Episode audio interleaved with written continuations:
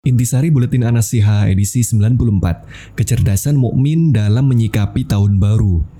Di antara bentuk ketidakpandaian dalam menyikapi pergantian tahun ini adalah dengan merayakannya, sebagaimana orang-orang di luar Islam merayakannya, mengadakan acara-acara yang jelas-jelas menghambur-hamburkan harta, dan bahkan banyak keburukan yang dilakukan oleh sebagian pemuda atau pemudi di momen pergantian tahun, seperti nauzubillah pesta minuman keras, berzina, dan sebagainya.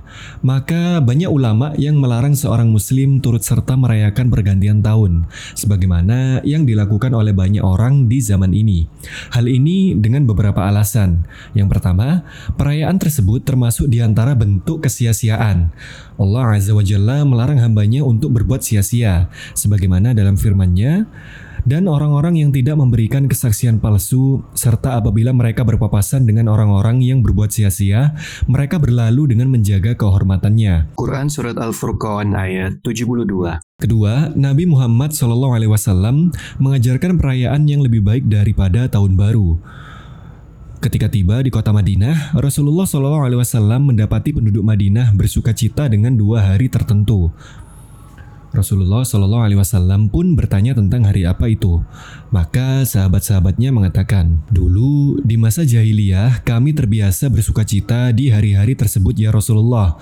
Maka Rasulullah Shallallahu Alaihi Wasallam pun menimpali, sesungguhnya Allah Azza wa Jalla telah menggantikan bagi kalian hari yang lebih baik dari keduanya, di mana kalian bersuka cita, yaitu Idul Adha dan Idul Fitri. Hadis riwayat Abu Daud.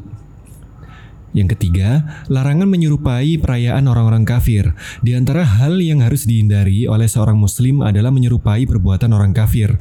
Nabi Muhammad SAW bersabda, barang siapa yang menyerupai suatu kaum, maka ia merupakan bagian dari kaum tersebut.